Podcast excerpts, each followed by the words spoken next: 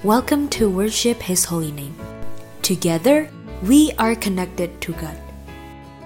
Kami adalah room worship di Clubhouse setiap hari Senin sampai Sabtu, Senin Rabu Jumat pukul setengah delapan malam, dan Selasa Kamis Sabtu pukul 11 pagi waktu Indonesia Barat.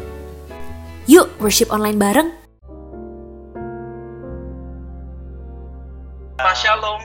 Shalom. Pastor Benny. Pastor Benny. Shalom, shalom para Shalom, luar biasa ini. Wow.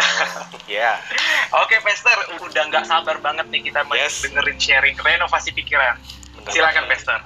Oke, thank you, thank you guys. Ya. Oke, selamat malam, shalom semua teman-teman yang ada di room ini. Terima kasih buat pastor ini yang telah mempercayakan saya untuk bisa berbagi bersama-sama. Nah, hari ini kita membahas tentang kata renovasi pikiran, di mana saya mempercayai bahwa di masa-masa yang seperti sekarang, terutama di masa pandemi ini, pikiran kita adalah salah satu aset yang penting untuk kita bisa memiliki hidup yang memberdayakan atau tidak memberdayakan dalam kehidupan kita. Nah, saya akan bacakan dulu sebuah ayat sebagai dasar awal kita dari kitab yang kita sangat kenal banget, 2 Korintus pasal yang kelima ayat 17. 2 Korintus pasal kelima ayat 17 kan ada saya rasa sih pasti hampir semua sudah hafal ya. Jadi siapa yang ada di dalam Kristus, ia adalah ciptaan yang baru. Yang lama sudah berlalu, sesungguhnya yang baru sudah datang. Nah, firman Tuhan berkata waktu kita menjadi ciptaan yang baru di dalam Kristus, itu yang diperbaharui adalah roh kita. Waktu Yesus lahir di hidup kita, secara roh kita diperbarui gitu dan waktu roh kita diperbarui tidak bisa diperbarui lagi. Nah, tetapi selain roh kita yang diperbarui, perlu juga ada sebuah kehidupan yang terus mengalami pembaharuan-pembaharuan yang namanya adalah pola pikir. Jadi kalau saya ungkapkan mungkin bisa seperti bahwa secara de facto, ya, mentang-mentang mau 17 Agustus ya gitu ya, secara de facto hidup kita telah mengalami perubahan. Tetapi secara de jure, secara kondisi, de facto itu posisi ya.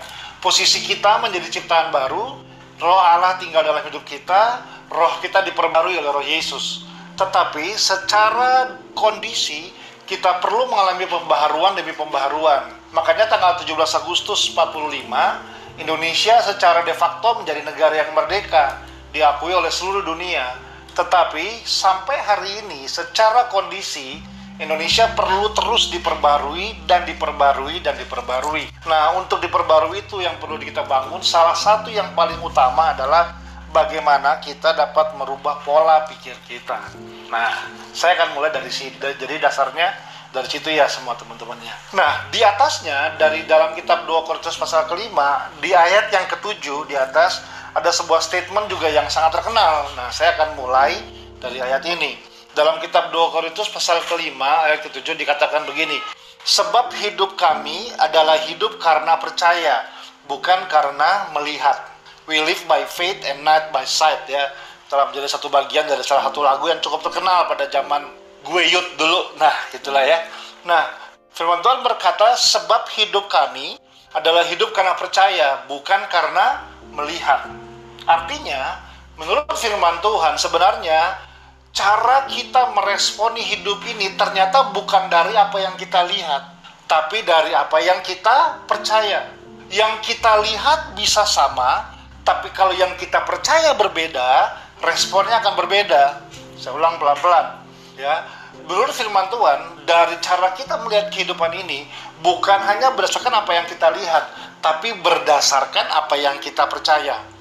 Orang bisa lihat dua hal yang sama, tapi ketika punya belief yang berbeda, punya kepercayaan yang berbeda, responnya akan sangat-sangat berbeda sekali. Itu yang itu yang terjadi. Saya ambil contoh ya, saya ambil contoh misalnya, oke, nah nih teman-teman nih ya, coba nih para host nih, saya tanya nih ya para host boleh di unmute ya, dengan cepat eh, ada lima host yang di atas ini, apa yang di pikiran teman-teman, misalnya terdengar kata ini, apple, oke, Julius, Merah. Sharon, Manis. manis. Christian, Bulat. bulat. Rini, Buat diet. buat diet. Oke. Areli, Bikin kenyang. bikin kenyang. Oke, oke. Itu kita berpemanasan tuh ya. Nah, nih satu lagi nih, satu kata ini yang lagi cukup ini nih, ya. Apa yang di pikiran teman-teman ketika mendengar kata anjing? Rini, Kesayangan. sayangan Julius, Berbulu. berbulu Sharon, Pintar. Pintar, Christian. Teman. Teman, Areli. Lucu. Lucu. Lihat ya. Katanya sama, apel. Tapi kenapa responnya ada yang bilang manis, ada yang bilang bulat, ada yang bilang sehat. Padahal semua teman-teman mendengar kata yang sama, setuju ya? Teman-teman mendengar kata apel. Jadi kenapa waktu informasi itu masuk, kok nggak sama tindakan atau action? Karena ketika informasi masuk, di dalam pikiran kita, saya menyebutnya begini, ada filter. Ada filter-filter yang memfilter informasi yang masuk, sehingga informasi-informasi yang masuk itu terfilter dan melahirkan sebuah tindakan. Untuk yang tadi bilang apel itu merah, sama yang bilang apel itu manis, tentu pernah punya pengalaman-pengalaman yang berbeda dengan apel, sehingga responnya adalah seperti itu. Di situlah makanya kenapa dikatakan firman Tuhan bilang, kita hidup karena percaya, bukan karena kita melihat. Itulah kenapa maka ada anak muda yang namanya Goliat dan seluruh tentara Israel yang melihat satu orang yang sama anak muda yang namanya Daud dan seluruh tentara Israel melihat orang yang sama namanya Goliat. Mereka adalah melihat Goliat yang sama, ketemu dengan raksasa yang sama, tapi kok bisa punya respon yang berbeda. Yang satu anak muda ini maju ke depan, berani menghadapi Goliat, tapi yang seluruh tentara ini malah lari mundur ketakutan. Padahal mereka menghadapi Goliat yang sama. Tentu juga sama dengan kita. Setiap kita hari ini mengalami situasi yang sama, pandemi. Setiap kita mungkin ada di kondisi yang sama, krisis yang gak berkehabisan.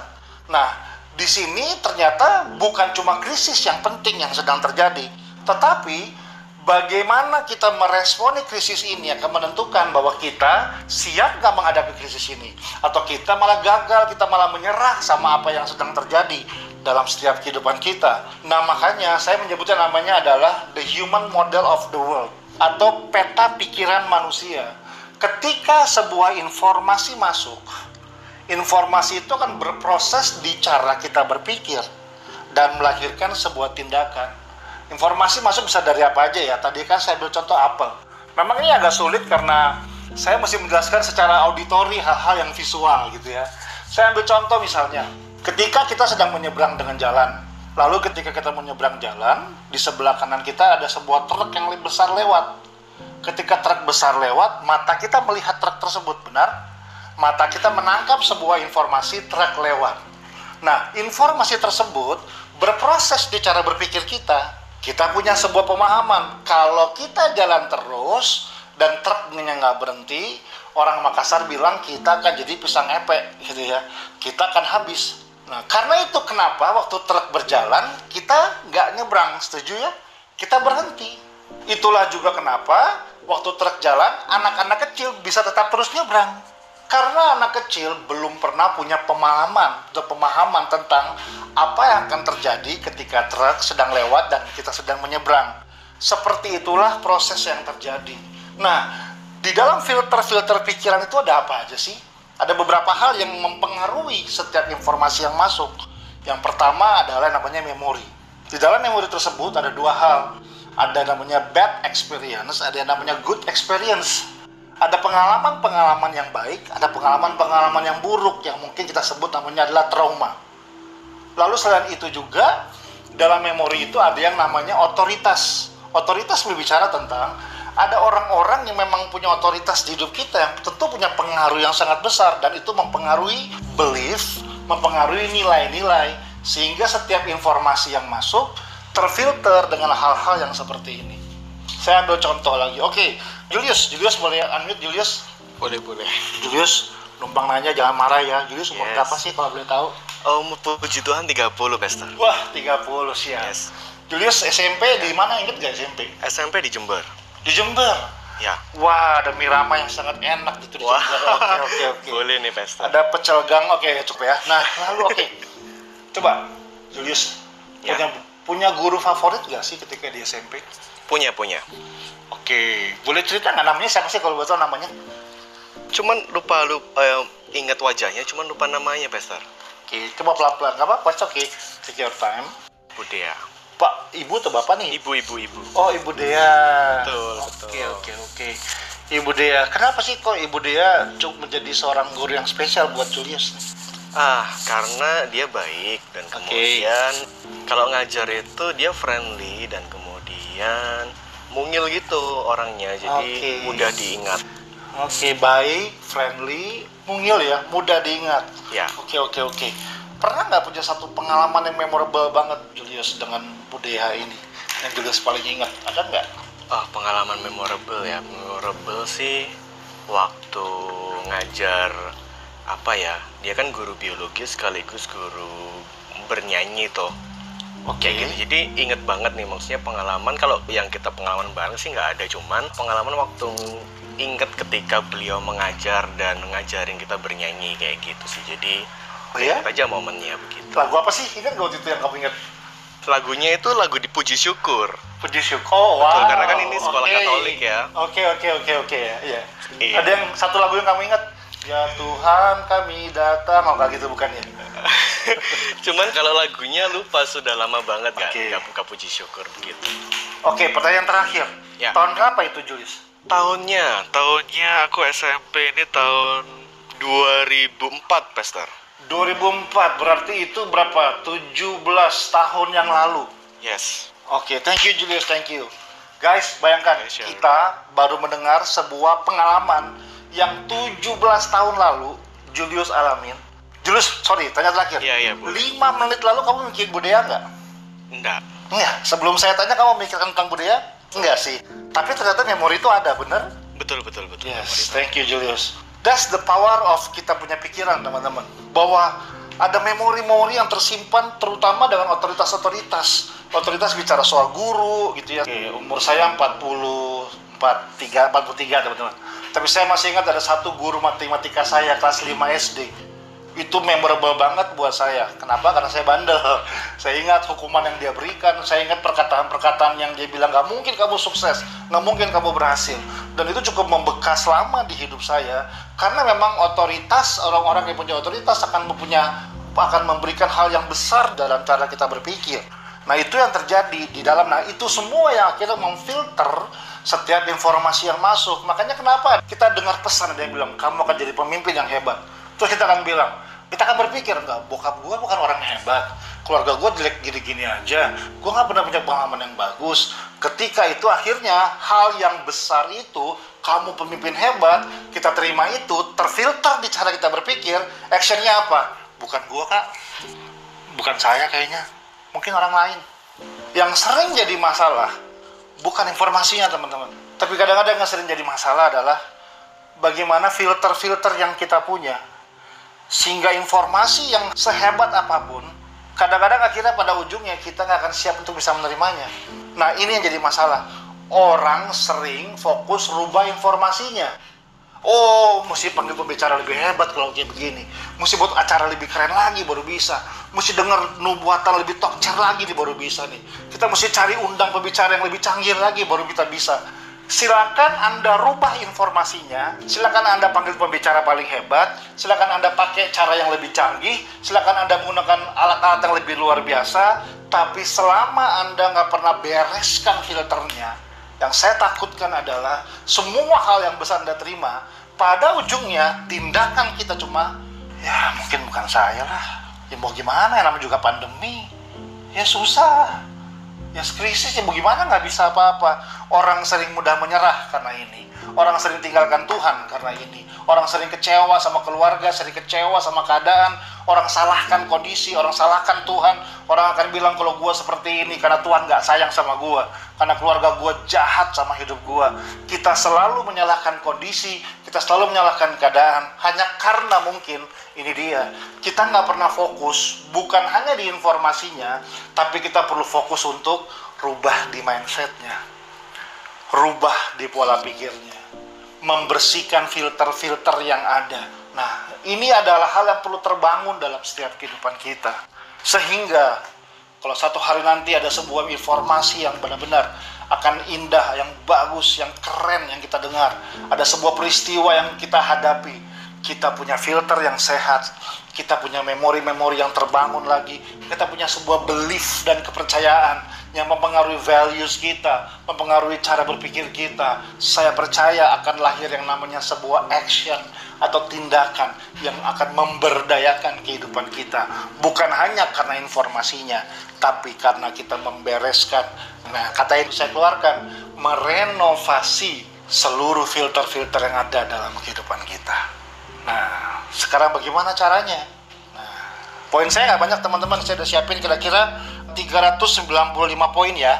Jadi kira-kira kemungkinan saya akan selesai nanti jam 23.00 waktu Indonesia Barat. Jadi tolong duduk baik-baik semuanya ya. Nggak, saya bercanda, saya bercanda. Oke tuh lihat tuh. Uh, semuanya udah udah Siap, siap, Langsung kelap kelip. Saya, saya siap, Pastor, sampai Langsung. besok pagi sih, ya.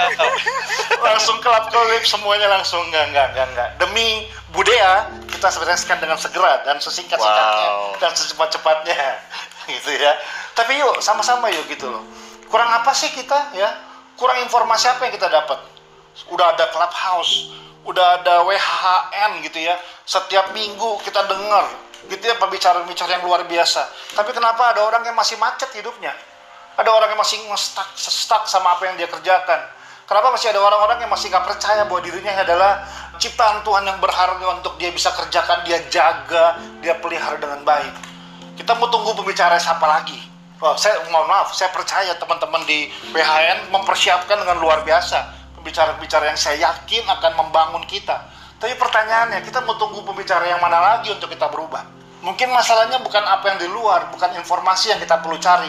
Masalahnya adalah kita sudah menemukan belum sih apakah filter-filter kehidupan saya, filter-filter di pola pikir saya itu sudah baik? Apakah saya punya filter yang sehat gak sih untuk menampung informasi yang saya terima? Karena waktu filter saya sehat, informasi yang saya terima itu akan membuat saya punya hidup yang jauh lebih memberdayakan setelah ini. Nah, bagaimana cara kita bisa merenovasi ini? Kita akan mulai dari inti dari kata pertobatan itu kan ingat ya teman-teman di kitab Roma pasal 12 ayat yang kedua kalau saya nggak salah dikatakan seperti ini. Janganlah kamu menjadi serupa dengan dunia, tetapi berubahlah oleh pembaharuan budimu. Nah, kata berubahlah itu kan berasal dari kata metamorfosa atau metanoia. Dari situlah lahir kata pertobatan bahwa untuk kita nggak serupa dengan dunia, kita perlu berubah pertobatan, mengalami pertobatan. Kita perlu mengalami yang namanya metanoia, berubahlah oleh pembaharuan budimu. Nah, kata pembaharuan juga itu berasal dari kata Yunani yang berkata anakainosis gitu ya. Anakainosis itu punya arti adalah dalam bahasa Inggrisnya renewal atau dengan kata lain renovation, renovasi. Nah, kata renovasi lahir di situ. Bahwa untuk kita bisa berubah, perubahan itu dimulai dari waktu kita merenovasi budi kita, merenovasi cara kita berpikir. Nah, makanya saya ulang-ulang tadi di awal yaitu dia informasi akan kita terima, tapi action kita bukan dari apa yang dari informasi kita, tapi dari bagaimana kita punya belief, kita punya percaya orang benar hidup karena percaya bukan karena melihat. Nah, bicara tentang merenovasi ada dua hal yang kita perlu fokus. Yang pertama namanya repairing, yang kedua namanya updating atau upgrading. Nah, saya pelan-pelan bahas yang pertama. Yang pertama bicara soal repair. Jadi merenovasi pikiran ada dua hal. Yang pertama artinya begini, memperbaiki yang rusak. Ya tentu dong, tadi kalau kita bicara soal renovasi rumah, renovasi yang pertama bicara tentang memperbaiki yang rusak. Nah, Selang-selang yang di kamar mandi yang udah rusak, pintu-pintu yang udah rusak mungkin, tanaman, nah kita memperbaiki yang rusak. Nah, untuk itu diperlukan, saya pakai bahasa yang lebih simpel aja, diperlukan kalau saya sebut namanya adalah scanning pikiran, teman-teman. Gitu ya. Audit pikiran atau scanning pikiran. Nah, untuk kita bisa memperbaiki yang rusak, kita perlu memahami dulu apa yang terjadi. Tadi kita sudah bahas di awal, di dalam pikiran kita ada memori, ada pengalaman-pengalaman, ada realita-realita yang akhirnya membentuk belief kita, baik pengalaman yang baik maupun pengalaman yang buruk yang menjadi trauma bahkan sekalipun. Itu semua ada tersimpan, bahkan tadi kita tahu barusan kita bahkan mendengar Julius bercerita pengalaman 17 tahun lalu di Jember. Bakmi Rama, oh salah ya, di sekolah Yes. gitu ya. Oh siap siap siap, oke. Nah itulah yang akhirnya perlu kita pahami Pertama, setiap orang, setiap kita punya memori, setuju ya? Setiap kita punya pengalaman, setiap kita punya realita-realita. Suka nggak suka, terima nggak terima, itu ada di situ.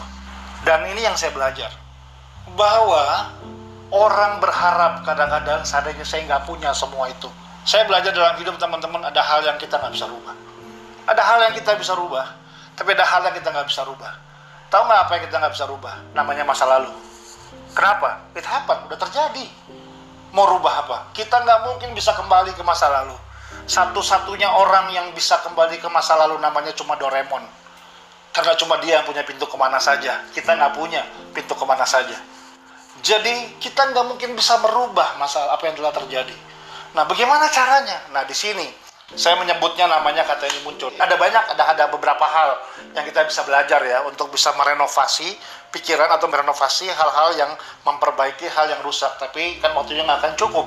Tapi satu hal aja ini yang membantu saya, yaitu saya sebut namanya adalah reframing.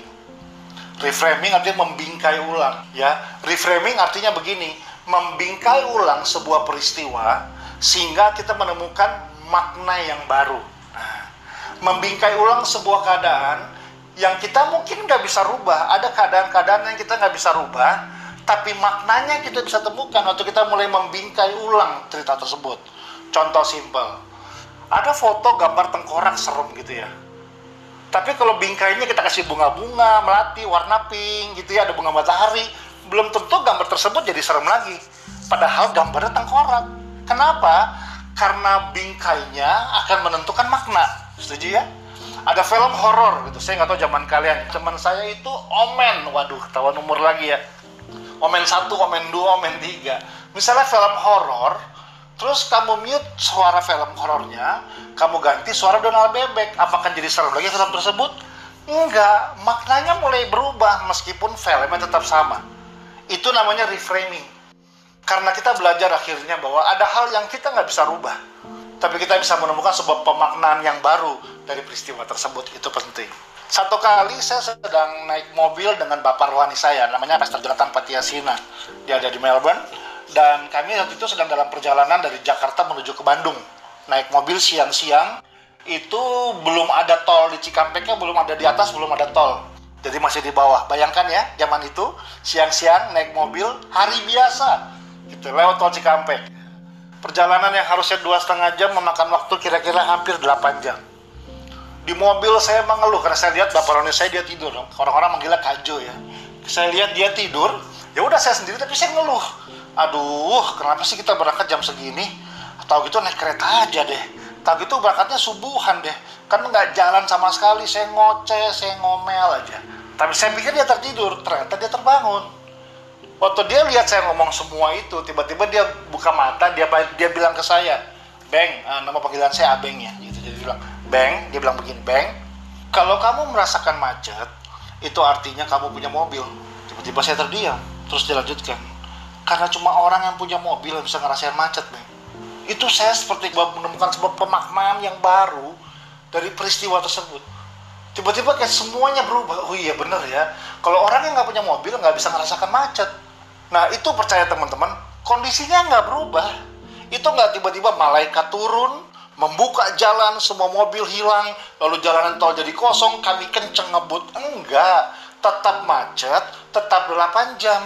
Suasananya nggak berubah, realitanya nggak berubah, tetapi pemahaman saya tentang realita tersebut berubah. Bahwa ternyata definisi macet bukan menyebalkan lagi sejak saat itu ketika saya mengalami macet ada pemahaman yang baru.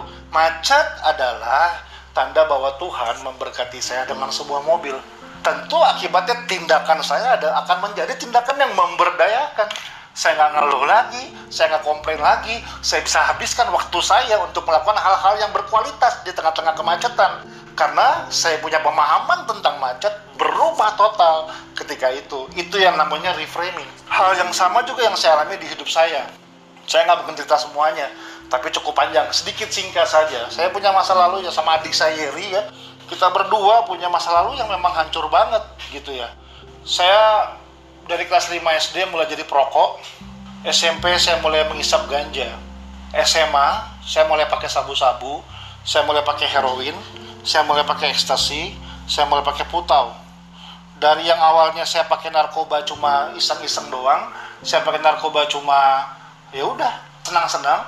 Sampai akhirnya terakhir saya pakai narkoba itu udah jadi kebutuhan karena saya sudah sakau ya tahu ya istilah sakau zaman dulu. Sampai terakhir saya ingat saya harus pakai narkoba itu setiap dua jam sekali. Karena saya nggak bisa karena saya nggak tahan lagi karena saya udah ketergantungan. Akhirnya dengan perjuangan saya berhasil lulus SMA tapi ketika saya kuliah saya di situlah mengalami kehancuran karena saya ketahuan di kampus saya pakai narkoba sehingga akibatnya saya dikeluarkan dari kampus saya pada waktu itu. Sehingga dulu saya punya pendidikan sekarang saya nggak punya pendidikan lagi. Dulu saya punya mimpi gitu ya. Sekarang ya orang Batak bilang mimpilah kau sana gitu ya karena saya nggak sekolah.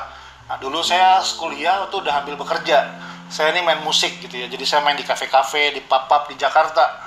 Makanya saya bisa beli narkoba pada waktu itu saya punya penghasilan. Cuma lama-lama akhirnya penghasilan saya habis karena saya ketahuan dan dikeluarkan dari pekerjaan saya. Karena narkoba menghancurkannya juga. Satu kali saya dikeluarkan dari band saya karena band saya nggak mau punya personal band yang pakai narkoba. Jadi dulu saya punya pekerjaan sekarang saya nggak punya pekerjaan. Dulu saya punya penghasilan sekarang saya nggak punya penghasilan gitu ya. Dan lama-lama uang saya habis dosis narkoba saya semakin tinggi harganya semakin mahal ya saya berubah menjadi pencuri gitu ya dulu ya saya mencuri nggak ya mulainya dari rumah sendiri di rumah nggak mungkin lah ada uang nganggur lama-lama di meja saya curi uang orang tua, dompet papa mama saya, saya curi gitu ya. Saya sering cerita dulu papa saya itu kalau berdoa mesti buka mata, nggak boleh tutup mata gitu ya. Karena kalau tutup mata begitu amin saya hilang, dompetnya dia juga hilang gitu ya.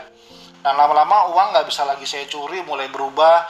Wah ini barang-barang di rumah dijual boleh juga nih gitu ya. Yang saya bisa jual saya jual, yang saya bisa gadai saya gadai, saya habisin semuanya. Satu kali saya lagi sendirian di rumah dan saya buka pintu garasi rumah saya lebar, saya tulis dua kertas besar banting harga, silahkan masuk garage sale gitu. Jadi saya buka open house, saya buka garage sale gitu ya. Jadi semua orang yang masuk yang lewat rumah saya, saya undang, mari om tante silahkan masuk ke dalam. Ada barang-barang murah saya bilang. Jadi bayangkan orang-orang masuk ke rumah saya dan mulai menjarah habis barang-barang di rumah saya. Perhiasan-perhiasan orang tua saya, saya jual semuanya papa saya namanya Roni Pati Nasarani gitu ya. Bangsa ini mengenal sebagai tokoh sepak bola di bangsa ini. Habis medali-medali emas, piala-piala PON, SEA Games, penghargaan-penghargaan, semuanya saya jualin semua. Perabotan-perabotan di rumah juga saya jual dengan habis. Bahkan saya sering cerita ada satu rice cooker sama nasinya baru jadi, sama nasi-nasinya entek saya jual semuanya gitu ya. Dan ini nggak sekali dua kali, ini bertahun-tahun sampai akhirnya narkoba nggak hanya menghancurkan pekerjaan saya, narkoba nggak hanya menghancurkan pendidikan saya, tapi narkoba juga menghancurkan keluarga saya. Di rumah dulu, di rumah kami rasanya kayak neraka aja gitu. Mama saya bisa nangis berjam-jam di kamar, nggak mau keluar kamar mandi. Dan adik saya dulu punya adik perempuan masih kecil, dia punya tempat persembunyian namanya kamar mandi gitu ya. Dia ngumpet di kamar mandi dan gak berani keluar sama sekali karena di luar kamar mandi itu rasanya seperti habis semuanya gitu. Nggak ada lagi gitu loh kayak neraka. Saya punya adik namanya Yeri ya sama pakai narkoba dan hancur semuanya. Gitu saya dengan papa saya dulu berantem tuh bisa hampir setiap hari gitu yang namanya piring pecah kursi patah dan semua habis. Sampai satu malam saya ingat itu adalah malam terendah di hidup saya saya lagi ribut besar dengan papa saya cuma masalahnya hari itu kita berdua udah pegang pisau dan kita berdua udah saling bunuh Nah, cuma akhirnya malam itu saya memutuskan nggak jadi tusuk papa saya. Saya lempar pisau saya, saya kabur dari rumah. Jadi sejak hari itu saya tinggal di jalan karena saya nggak punya rumah lagi. Saya hidup berbulan-bulan cuma dengan satu baju di badan saya. Saya nggak punya baju yang lain. Saya nggak bisa makan kalau makan pergi ke warteg atau rumah makan kecil. Tapi saya nggak masuk dari depan duduk minta menu enggak. Saya cuma dari belakang dan tunggu orang selesai makan baru lari ambil makanan sisa dari situ saya harus belajar makan tulang ayam saya harus belajar ngorek tempat sampah supaya saya bisa makan saya nggak bisa tidur saya kalau tidur tuh di halte bus kalau tahu di yang kalau dia tinggal di Jakarta tahu di ada Kelapa Gading Pulau Mas rumah saya di Pulau Mas Jakarta tapi saya tidur di halte bus itu yang akhirnya terjadi di hidup saya habis hancur dan nggak punya apa-apa singkat cerita sampai tahun 1999 perjumpaan saya dengan pribadi yang bernama Yesus rubah hidup saya. Saya kembali lagi menemukan apa yang hilang di hidup saya. Namanya adalah sebuah kesempatan untuk membangun masa depan. Nah, saya close di sini sebelum kita tanya jawab. Nah, waktu saya sembuh dari narkoba tahun 1999, setelah tadi itu, saya mesti cerita biar teman-teman tahu bagaimana apa yang terjadi. Nah, yang saya mau cerita waktu saya sembuh, saya sedang di titik mau memulai hidup yang baru, benar?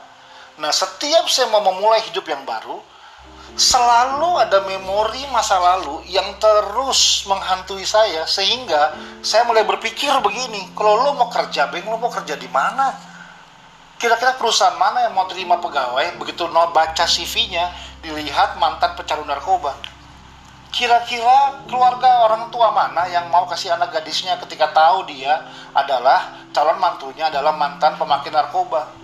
saya nggak berani cari pekerjaan, saya nggak berani berpacaran, saya nggak berani kerjakan lagi semua hidup saya karena setiap saya mau kerjakan, setiap saya mau melangkah ini dia ada sebuah memori yang mengunci saya, yang membuat saya kayaknya ah udah nggak mungkin bisa lah. Siapa yang mau terima saya? Di mana saya bisa bekerja? Di mana saya bisa mengerjakan semua ini? Bertahun-tahun saya berjuang untuk bisa keluar dari situ dan nggak bisa sama sekali. Sampai satu waktu saya bangun dan ini kata penting Nanti kita bahas. Saya mulai merenung, teman-teman. Dan di dalam perenungan saya itulah, saya mulai kembali untuk bisa berdamai dengan diri saya. Nah, ini yang saya bangun. Untuk supaya saya bisa menemukan sebuah pemahaman yang baru, makna yang baru dari semua yang telah saya alami. Karena saya nggak mungkin bisa rubah itu. Saya nggak bisa rubah realita itu. Tapi yang saya bisa belajar adalah saya bisa menemukan pemaknaan yang baru di tengah-tengah momen itu inilah perenungan yang dan pemahaman baru yang saya temukan bahwa kalau Tuhan mengizinkan saya mengalami semua peristiwa itu mungkinkah itu adalah supaya satu hari nanti kalau ada orang yang melewati jalan yang pernah saya lewatin dulu setidaknya kalau dulu saya sendirian setidaknya kali ini kalau mereka lewat saya bisa memastikan mereka nggak sendirian karena saya bisa ada di sana berbagi hidup dengan mereka dan berkata, saya dulu pernah di situ, tapi sekarang saya ada di sini. Kalau kamu yang hari ini ada di situ, saya yakin juga pasti bisa ada bersama dengan saya seperti ini. Wow, sejak hari itu kalau saya boleh jujur sampai hari ini, kalau saya boleh jujur, nggak terhitung berapa orang yang Tuhan izinkan mampir di hidup saya. Hanya untuk supaya saya bisa ada bersama mereka, untuk bisa angkat mereka. Satu kali pagi-pagi datang tempat saya, jam 6 subuh saya ingat orang dibawa orang Batak. Namanya RS cuma waktu dia datang kondisinya samurai udah nempel di kepalanya dia dibacok. Saya kaget yang bawa adik yang perempuan. Saya bilang ini bukan UGD saya bilang jangan ke sini.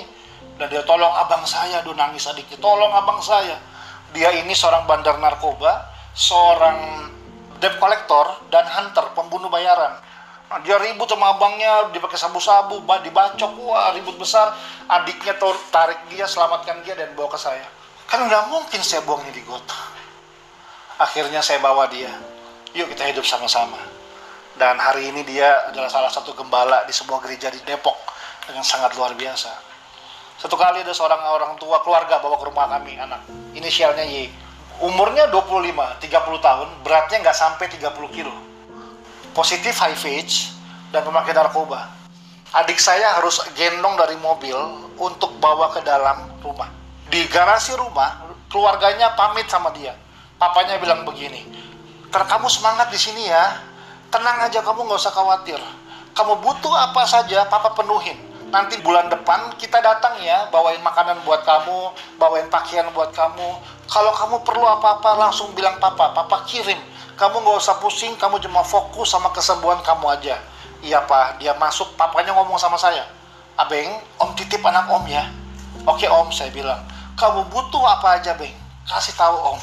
Kalau nggak ada makanan kah, kurang baju, peralatan mandi, bilang sama om, kita kirim. Siap om, saya bilang.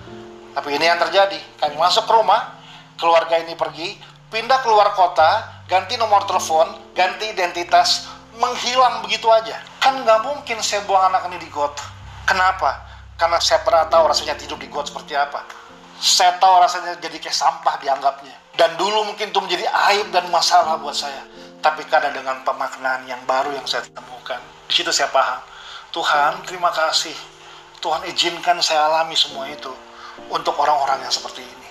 Kami rawat dia teman-teman sampai sembuh. Bahkan HIV juga sembuh. Saya belajar, mari jangan remehkan masa lalu Anda. Temukanlah pemaknaan-pemaknaan dalam hidup ini. Itu namanya merenovasi, memperbaiki apa yang rusak menjadi baik. Saya berdoa, apa yang dulu kalian anggap sampah, bahkan kalian anggap aib, satu hari nanti itu jadi emas buat orang lain. Akan jadi pertolongan buat orang-orang yang memerlukan. Karena kita merenovasi.